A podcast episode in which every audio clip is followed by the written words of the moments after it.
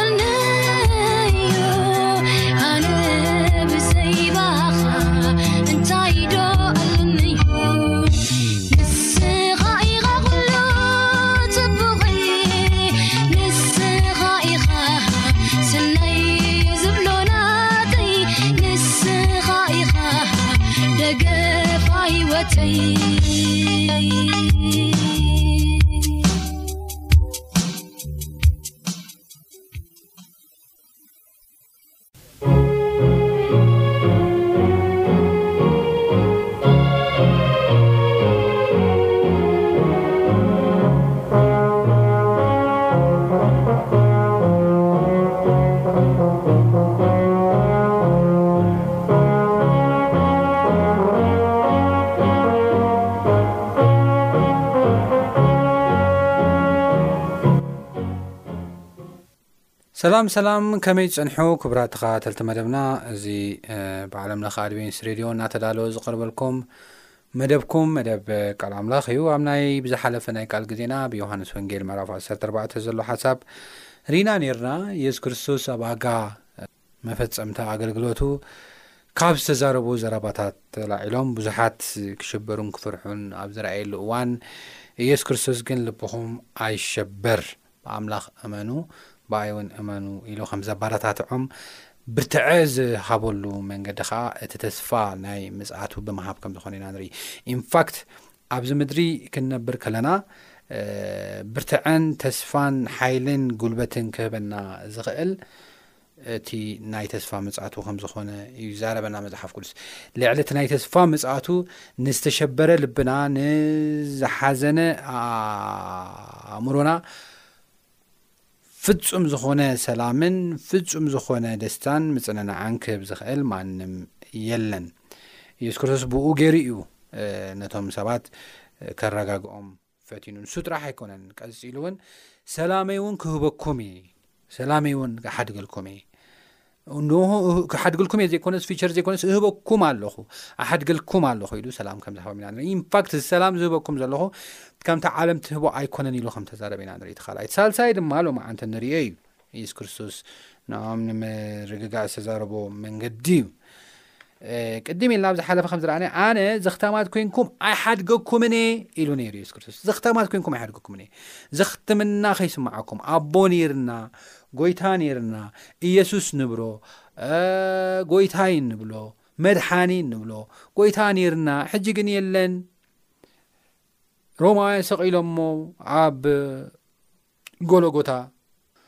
ስለዚ ኣብ ቀራንዮ፣ ስለዚ ፍጹም ዘሕዝን እዩ ነይሩ ኣማውትኡ ኢልኩም ከምዚ ዓይነት ከይስምዓኩም ዘኽታማት ኮንኩም ኣይሓድገኩምን እየ ከም ዝበሎም ኢና ንርኢ እንታይ ማለት እዩ ኢየሱስ ይኸይድ እንዲ ዘሎ ንዝብል ሓሳብ ዝምልስ ሕቶ ኢና ሎመዓንቲ እምበኣር ክንርኢ ፊልጶስ ካብ ሕጂ ይብል ዮሃንስ ወንጌል ዓሰርተ ኣርባዕተ ቁፅሪ ሸውዓተ ንኣይ እንተ ትፈልጡንስ ነቦይ ምፈለጥኩምዎ ነርኩም ካብ ሕጂ ትፈልጥዎ ርኢኹምዎን ኢኹም ምስ በለ ፊልጶስ ካብ ጎይታይ ነቦ ኣርእና ሞ ይኣኽለና በሎ የሱስ በሎ ፊልጶስ እዚ ክንዲዚ ዝኣክል ዘመን ምሳኻትኩም ክነብር ከለኹስ ኣይትፈልጠን እንዲኻ እቲ ንኣይ ዝረኣየ ነቦ ረኣየ ከመይ ኢልካ ነቦ ኣርእና ትብል ኣሎኻ ኢሉ ከም ዝተዛረቦ ኢና ንርኢ እዚ ክብል ከሎ የሱስ ክርስቶስ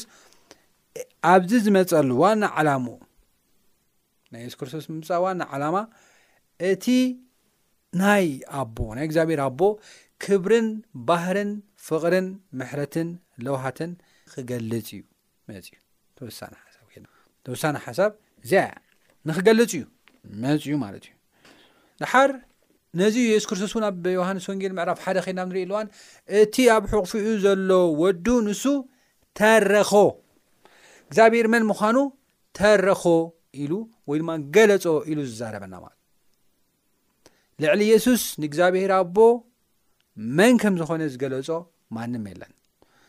ቅድሚ የሱስ ክርስቶስ ምምጻት ብዙሓት ነብያታት ነይሮም እዮም ብዙሓት ናይ እግዚኣብሄር ዝፈርሑ ሰባት ነይሮም እዮም ከም በዓል ዳዊት ግን ምንም እኳ ስለ እግዚኣብሄር ተተዛረቡ ብፍጹም ንእግዚኣብሄር ግን ምሉእ ብምሉእ ክገልጽዎ ዝኸኣሉ ሰባት ኣይነበሩን። እቲ ኣብ ሕቑፉ ዘሎ ኣቦኡ ግን ንሱ እንታይ ገበሮ? ተረኾ፣ ኣርኣዮ። በቃ ኣቦ እዚ እዩ ዝመስል ኢሉ ብቓል ጥራሕ ዘይኮነ ብተግባር እውን ከም ዝረኣየ ኢና ንርኢ። ስለዚ ነዚ እዩ ኢየሱስ ክርስቶስ እቲ ንኣይ ዝረኣየ ነቦ ረኣየ። በቃ ኣቦ ካልእ ኢሜጅ የብሉን፣ ንዓይ እዩ ዝመስል ማለተይ ባህሪኡ ከምኡ እዩ። በቃ ኣነ ንዓኹም ንኸድሕን ህይወተይ ከም ዝህብ ኣቦ እውን ንዓኹም ከድሕን ንዓይ ልኢኽኒ እዩ። ናብ ፍቕሪ እዩ እናበለ ዝገለፀሉ ኣጋጣሚ ኢና ንሪኢ ዘለና ማለት እዩ ስለዚ ፍቕሪ ክርስቶስ ክንርኢ ከለና ፍቕሪ ኣቦ ኢና ንርኢ ንዑ እዩ ተሪኽዎ ማለት እዩ እሞ ንምንታይ ግን ምትራኽ ኣድለየ ክንብል ከለና ሰይጣን ኣብ ዘመናት ካብ ስርሑ ስራሓት ሓደ ስም እግዚኣብሄር ኣቦ ናይ ምፅላም ስራሕ እዩ ሰሪሑ እግዚኣብሄር ኣቦ ከምዚ እዩ እግዚኣብሄር ኣቦ ከምዚ እዩ እናበለ ኣብ ናይ ሰብ ኣእምሮ ሕማቕ ዝኾነ ዘርኢ ቀሪጹ እዩ። እዚ ነገር እዚ ግን ብየሱስ ክርስቶስ ሓይልን ጥበብን ክእለትን ፍቕርን ከንቱ ከም ዝገበሮ ናይ ሰይጣን ኣሰራርሓ ሰይጣን ቀታል ነፍሲ ምዃኑ ናይ ሓሶት ኣቦኣ ከም ከም ዝኾነ ንሱ ጥራሕ ዘይኮነ እቲ ዝጥቀመሉ ዝነበረ መንገድታት ሓሶት ከም ዝኾኑ ይዛረበና ነዚ ኣብ ቆላሳስ ምዕራፍ ቆላሳስ ምዕራፍ ክልተ ፍቕዲ ዓሰርተ ኣርባዕተ ከይድና ንብሎ ኣፅ ኣብ ነንብበሉ እዋን ኣፅዋሮም ገፊፉ ዝብለና ኣፅዋሮም ገፊፉ ኣርኣዮም ኣጋለፆም ኣስ በቃ ኣሕፈሮም እዩ ዝብለና ባዶ ገበሮም ነቶም ሰይጣን ብቅዱስ እናመሰሉ ናይ እግዚኣብሔር ሽም ንክፅላእ እናገበሩ ዝነበሩ መጨረሻ ግን ዜሮ ከም ዘእትዎም እዩ መፅሓፍ ቅዱስ ዝዛረበና ማለት እዩ እግዚኣብሄር ከምቲ ሰይጣን ዝብሎ ጨካን ኣቦ ዘይኮነ ሲ ናይ ፍቕሪ ኣቦ ከም ዝኾነ እንዲያውም ብተፃራሪ ሰይጣን ቀታሊ ነፍሲ ንሓሶቱና ኣባ ከም ዝኾነ ከም ዘጋለፆ ኢና ንርኢ ስለዚ ነቦ ርኢና ክብል ከሎ ንዓይ ርኢኻኒ ማለት ኮ ነቦ ርኢኻኒ ኢሉ ዝመለሰሉ ነዚ እዩ ናብቲ ሓሳባትና ክንምለስ ከለና ግን ኢየሱስ ክርስቶስ ክዛረብ ከሎ ኣነ ኣብ ኣቦ ምህላወይ ኣቦ ኣባይ ምህላው እመኑኒ እንተዘይኮነ ስለቲ ግብርታት እኳ እመኑኒ ኢሉ ምስ ተዛረበ ቁፅሪ 13 ሓደ ነገር ከም ዝበሎም ኢና ንርኢ ኣቦ ኣብ ወዲ ምእንቲ ክኸበርሲ ብስመይ ዝለመንኩምዎ ዘበለ ኩሉ ክገብረልኩም እዩ ብስመይ ገለ እንተለመንኩም ክገብረልኩም እዩ። እተፍቅሩኒ እተኾይንኩምስ ትእዛዘይ ሓልዉ። ኣነ ኸኣ ነቦ ክልምኖ እየ፣ እሞ ንሱ ንዘለኣለም ምሳኻትኩም ዝነብር ካልእ መጸናንዒ ክበኩም እዩ። እቲ መንፈስ ሓቂ ዓለም ዘይትርእዮን ዘይትፈልጦን ስለ ዝኾነት ክትቅበሎ ኣይኮነላን እዩ ንስኻትኩም ግና ምሳኻትኩም ይሓድር ኣብኣኻትኩም ክነብር እዩ እሞ ትፈልጥዎ ኢኹም ኢሉ ከም ተዛረቦም ኢና ንርኢ ስለዚ ኢየሱስ ክርስቶስ ኣነ እዚ ክተማት ኮይነ ኣይሓድገኩምን እየ ክብል ከሎ ኢየሱስ ክርስቶስ ክኸይድ ከሎ መንፈስ ቅዱስ ብምልኣት ኣብ ኣመንቱ ብምሃብ እዩ እንዲያ እንታይ እዩ ዝብል መፀናንዒ ክበኩም እየ ጰራቅሊጦስ ክበኩም እየ ዘፀናንዓኩም ኣጆኹም ዝብለኩም ኩሉ ግዜ ምሳኹም ዝኸውን ዝግስፀኩም ዝቕንዓኩም ብትኽክለኛ መንገዲ ክትከዱ ዝመርሓኩም ዝኽእል መንፈስ ቅዱስ ክበኩም እዩ ኢሉ ከም ተዛረበ ኢና ንርኢ እንዲያም ኣነ ተኸድኩ ሕሸኩም ኢሉ ከም ተዛረበ ኢና ንርኢ ምክንያቱ የሱስ ክርስቶስ ኣብዚ ምድሪ ከሎ ምንም ካብ ፍፁም ኣምላኽ እኳ እንተኾነ ስጋ ለቢሱ ኣብዚ ምድሪ ክመላለስ ከሎ ውሱን እዩ ነይሩ ማለተይ ኣምዳ ጴጥሮስ ዝሃልዩ ኣምዳ ጴጥሮስ እዩ መንፈስ ቅዱስ ግን ብስጋ ዝተሸፈነ ኣይኮነን ሞለኮት እዩ ኣምላኽ እዩ ስለዚ እንታይ እዩ ዝገብር ኣብዚ እንዳ ጴጥሮስ እንተሃልዩ ደ ሰም ኣምዳ ዮሃንስ እውን ኣሎ ኣብ ካልእ ቦታ እውን ኣሎ ኣብ ኢትዮጵያ እውን ኣሎ ኣብ ኣሜሪካ እውን ኣሎ ኣብ ካልእ ቦታታት እውን ኣሎ ስለዚ ብሓደ ሻዕ ኣብ ኩሉ ክርከብ ብሓደ ሻዕ ንኩሉ ከፀናንዕ ብሓደ ሻዕ ንኩሉ ክዛርብ ክመርሕ ይኽእል እዩ ከመይ ገይሩ ንፈልጦ ነገር የለን እዚ ሓደ እዚ ሓደ እዚ ሓደ ናይ ኣምላኽ ባህሪ እዩ ሓደ ናይ ኣምላኽ ባህሪ እዩ ኣምላኽ ዝልለየሉ ባህሪ ንሱ እዩ ብሓደ ግዜ ኣብ ኩሉ ምርካብ እዩ ስለዚ የሱስ ክርስቶስ ዝኽተማት ኮይና ከይንነብር ዝሃቦ ካልእ መፍትሒ ተሃለወ እንታይ እዩ መንፈስ ቅዱስ ልኢኽልና ከም ዝኸደ ኢና ንርኢ መንፈስ ቅዱስ ልኢኽልና ከም ዝኸደ ኢና ንርኢ ብዘይ መንፈስ ቅዱስ ሰብ ንእግዚኣብሔር ከኽብር ኣይክእልኒ ብዘይ መንፈስ ቅዱስ ሰብ ሓይሊ ክረክብ ኣይክእልኒ ብዘይ መንፈስ ቅዱስ ሰብ ሙሉእ ምፅንናዕ ክረክብ ኣይክእልን እዩ ብዘይ መንፈስ ቅዱስ ናብ ሓቂ ዘበለ ክመፅእ ኣይክእልን እዩ። መንፈስ ቅዱስ ንክርስትያናት ህይወት እዩ፣ እስትንፋስ እዩ። ብዘይ ብኡ መንፈሳዊ ህይወቶም ዋጋ ኣይህልዎን እዩ። መንፈሳዊ ህይወቶም ህያው ክኸውን ዝኽእል መንፈስ ቅዱስ ኣብ ሂወቶም ኣብ ዝህልወሉ እዋን እዩ ንመንፈስ ቅዱስ ሂወቶም ኣሕሊፎም ኣብ ዝሃብሉ እዋን እዩ ኣብ ዮሃንስ ወንጌል የሱስ ክርስቶስ ሓደ ግዜ ተዛሪቦም ነሩ ብዛዕባ ናይ መንፈስ ቅዱስ ስራሕ ኢቨን ንሰብ ካብ መንፈስ እንተ ዘይተወልደ መንግስቲ ኣምላኽ ክወርስ ኣይክእልን ኢሉ ብመንፈስ ክንውለድ ክንከል ኣለና ካብ መንፈስ ቅዱስ ን ክንውለድ ክንከል ኣለና ስለዚ እዚ ማለት እንታይ ማለት እዩ ብየሱስ ክርስቶስ ኣሚንና ናይ መንፈስ ቅዱስ ሓይሊ ተቐቢልና ክንውለድ ክንከል ኣለና በዚ እንተደኣ ደይክ ኮይኑ መንግስቲ ኣምላኽ ክንወርስ ንኽእል ኢና ማለት እዩ በዚ እንተ ደይ ኮይኑ መንግስቲ ኣምላኽ ክንወርስ ኣይንኽእል ኢና ማለት እዩ ስለዚ መንፈስ ቅዱስ ኩሉ ግዜ ንሕና ክንፅልን ክንልምንን ንመንፈስ ቅዱስ ከዓ ሂወትና ኣሕሊፍና ከነረክብን ይግባኣና እዩ ብዛዕባ መንፈስ ቅዱስ ኣብ ዮሃንስ ወንጌል ምዕራፍ 15 ከምኡን ኣብ ዮሃንስ ወንጌል ምዕራፍ 16 ተጠቂሱ ኣሎ ምናልባት ኣብ ካልእ ግዜና ብደንቢ ብዛዕባ መንፈስ ቅዱስ እንርእሉ ሓሳብ ኣሎ እዩ ኢንፋክት ቅድሚ ናብ ዮሓንስ ወንጌል ምዕራፍ ዓሰርተ ሓሙሽተ ምሕላፈይ ኣብዚ ብዛዕባ መንፈስ ቅዱስ ዝተገልጸ ሓሳባት ብደንቢ ገይረ ገሊጸ ክሪኦ ይደሊ ሓደ ኣነ ነቦ ክልሙነ እሞ ንሱ ንዘለኣለ ምሳኻትኩም ዝነብር ካልእ መጸናንዒ ክብል ከሎ መንፈስ ቅዱስ የሱስ ክርስቶስ ኣይኮነን መንፈስ ቅዱስ ባዕሉ ዝኸኣለ ኣምላኽ እዩ ካሊእ እዩ ዝብል ዘሎ ካልኣይ ጰራቅሊጦስ ዝብል ቃል ኣብዚ ፐርሰን ምዃኑ ህያው ኣምላኽ ምዃኑ እምበር ስኢልካ ሓይሊ ኣካል ዘይብሉ ማለት ኣይኮነን እወ እቲ መንፈስ ሓቂ ዓለም ዘይትሪኦን ዘይትፈልጦን ስለ ዝኾነት ክትቅበሉ ኣይኮንና ንስኻትኩም ግና ምሳኻትኩም ይሓድር እሞ ኣባኻትኩም ክነብር እዩሞ ትፈልጡ ኢኹም ይብለና ኢፌክት እቲ ዝሰርሖ ስራሓት ኣብ ውሽጥኹም ስለ ዝረኣ፣ እቲ ዝሰርሖ ስራሓት ኣብ ውሽጥኹም ውሽጢ ዝሰርሖ ስራሓት ብደገ ኣባኻትኩም ስለ ዝረኣ ትርእይዎ ኢኹም ትፈልጥዎ ኢኹም። ዓለም ግና ኣይትፈልጦን እያ። ክትፈልጦን ስለ ዘይትደሊ ኣይትፈልጦን እያ። ክትቀበሎን ስለ ዘይትደሊ ኣይትቀበሎን እያ ማለት እዩ። ኢሉ ክዛረብ ከሎ ኢና ንርኢ። እምበኣር ናብ ዮሃንስ ወንጌል ዓሰርተ ሓሙሽተ ብዛዕባ መንፈስ ቅዱስ ዝተጻሕፈ ከኣ ክንርአ። ኣብ ዮሃንስ ወንጌል ምዕራፍ 15 መጨረሻ ጥቕሲ ከዓ ከምዚ ይብል እቲ ንኣይ ዝጸለኒ ነቦይ እውን ይጸሊ እዩ ካብ ቁፅሪ 23 ጀሚረ እዩ ዘንብብ ዘለኹ ካልእ ዘይገብሮ ግብሪ እንተዘይገበረ ሎም ሓጢኣት ኣይምኾኖምን ነይሩ ሕጂ ግና ሪኦምንስ ንኣይ ነቦይን ይጸልኡና እዚ ግና ነቲ ኣብ ሕጎም ብዘይ ምክንያት ዝጸልኡኒ ጽሑፍ ዘሎ ቃል ምእንቲ ክፍጸም እዩ ዝኾነ ምስ በለ ተመሳሳሊ ምስቲ ኣብ ዮሃንስ ወንጌል ምዕራፍ ዓሰርተ ኣርባዕተ ዘንበብናዮ፣ ኣብ ዮሃንስ ወንጌል ምዕራፍ ዓሰርተ ሓሙሽተ ፍቕዲ ዕስራን ሽዱሽተን ከኣ እቲ ኣነ ካብ ኣቦ ዝሰደልክዎ መጸናንዒ ካብ ኣቦ ዝወጽእ መንፈስ ሓቂ ስለ ምስ መጸ ግና ንሱ ክምስክረለይ እዩ ንስኻትኩምውን ካብ መጀመርያ ምሳይ ነርኩም ኢኹም እሞ ትምስክሩለይ ኢኹም ይብለና ሕጂ ኣብዚ ብዙሓት ሰባት ሚስ ኣንደርሶ ዝገብሮ ዝደልዩ ነገራት ኣሎ እንታይ ዝብል ኣብዚ ካብ ኣቦ ዝወፅእ መንፈስ ሓቂ ይብል ካብ ኣቦ ዝወፅእ ማለት እንታይ ማለት ካብ ሰማይ ዝመፅእ ኣቦ ዝልእኾ ማለት እዩ ኣቦ ዝልእኾ ምክንያቱ ኣብ ዮሃንስ ወንጌል ምዕራፍ 14 ኣነ ነቦ ክልምኖ እየ ንሱ ከዓ እንታይ ክገብረልኩም እዩ ክህበኩም እዩ መን መንፈስ ቅዱስ ባዕሉ ክህበኩም እዩ ስለዚ ካብ ኣቦ ተላይኹ ዝመፅእ ካብ ኣቦ ካብ ሰማያ ሰማያ ዝመፅእ ከም ዝኾነ እዩ ዝዛረበና ማለት እዩ እዚ ብፍላይ ምስታ ታሕተወይቲ ጥቕሲ ኬድና ኣብ ንረኣየላ ዘለና ሓሳብ ኬድና ንርእየሉ ንስኻትኩም ካብ መጀመርታ ምሳድ ነርኩም ኢኹም እሞ ትምስክሩለ ኢኹም ንሱ ክምስክር እዩ ንስኻትኩም ክትምስክሩለ ኢኹም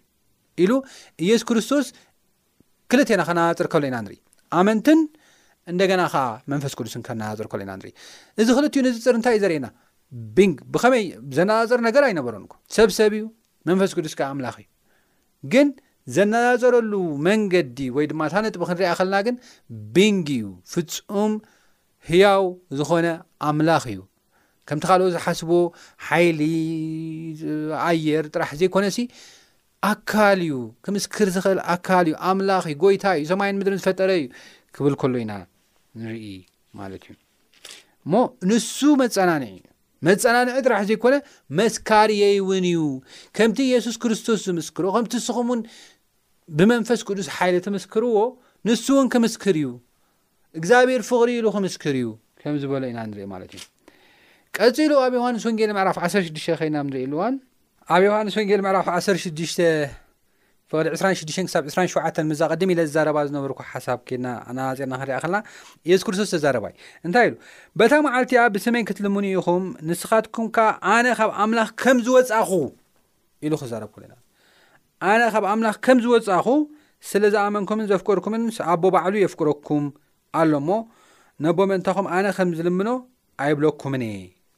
ስለዚ የሱስ ክርስቶስ ኣነ ንባዕሉስ ካብ ኣምላኸ ወፅኤ ኢሉስ ክዛረብ ከሎ ኢና ንርኢ ስለዚ ምውፅኡ ሲ ካብ ኣቦ ምልኣኹ ካብ ኣቦ ምምፅኡ እምበር ካልእ ትርጉም ከም ዘይብሉ ኢና ንርኢ እምበር ናብቲ ና ሳልሳይ ናይ መንፈስ ቅዱስ መግለፂ ከድና ንርእሉ እዋን ከምዚ ዝብል ሓሳብ ኣሎ እንታይ ይብል ኣብ ዮሃንስ ወንጌል ምዕራፍ 16 ፍቅዲ ሸውዓተ ግናኸ ኣነ ተኸልኩ ይሕሸኩም ሓቂ ይነግረኩም ኣለኹ ኣነ እንተዘይከልኩ ስቲ መፀናንዒ ናባኻትኩም ኣይመፅን እዩ እሞ እንተኸልኩ ግና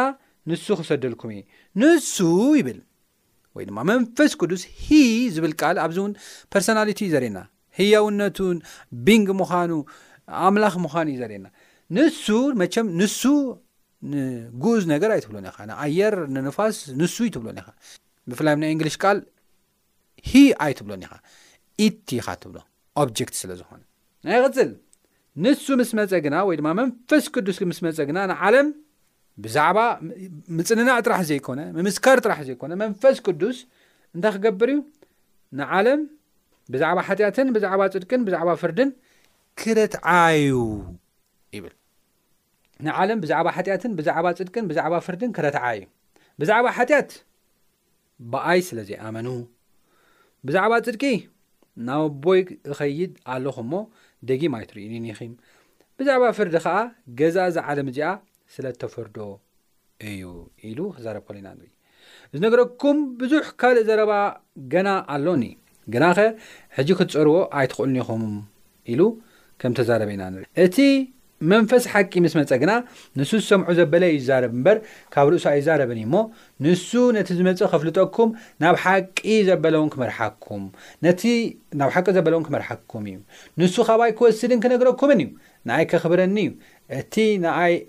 እቲ ናይ ኣቦ ዘበለ ዅሉ ናተይ እዩ፣ ስለዚ ኣነ ኻባይ ወሲዱ ኽነግረኩም እዩ። ዝበልኩኹ ኢሉ የሱስ ክርስቶስ ክዛረብ ከሎ ኢና ንርኢ ስለዚ መንፈስ ቅዱስ እውን ሓዲግልና ከም ዝኸደ የሱስ ክርስቶስ ዘኽታማት ከም ዘይኮንና ኣቦ ከም ዘለና ዝመርሓና ዘጸናንዓና ምሳና ኮይኑ ዝምስክር ምሳና ኮይኑ ዕዮ ኣምላኽ ዝዓዪ ሓጢኣት ክንሰርሕ ከለና ዝረትዓና ሓጢኣት ሰሪሕኩም እዩ ከም ፅድቂ ክንገብር ከለና ከዓ ኣጆኹም ኣነ ምሳኹም ኣለኹ ዝብል ሓሳብ ከም ዘሎ ኢና ንርኢ ማለት እዩ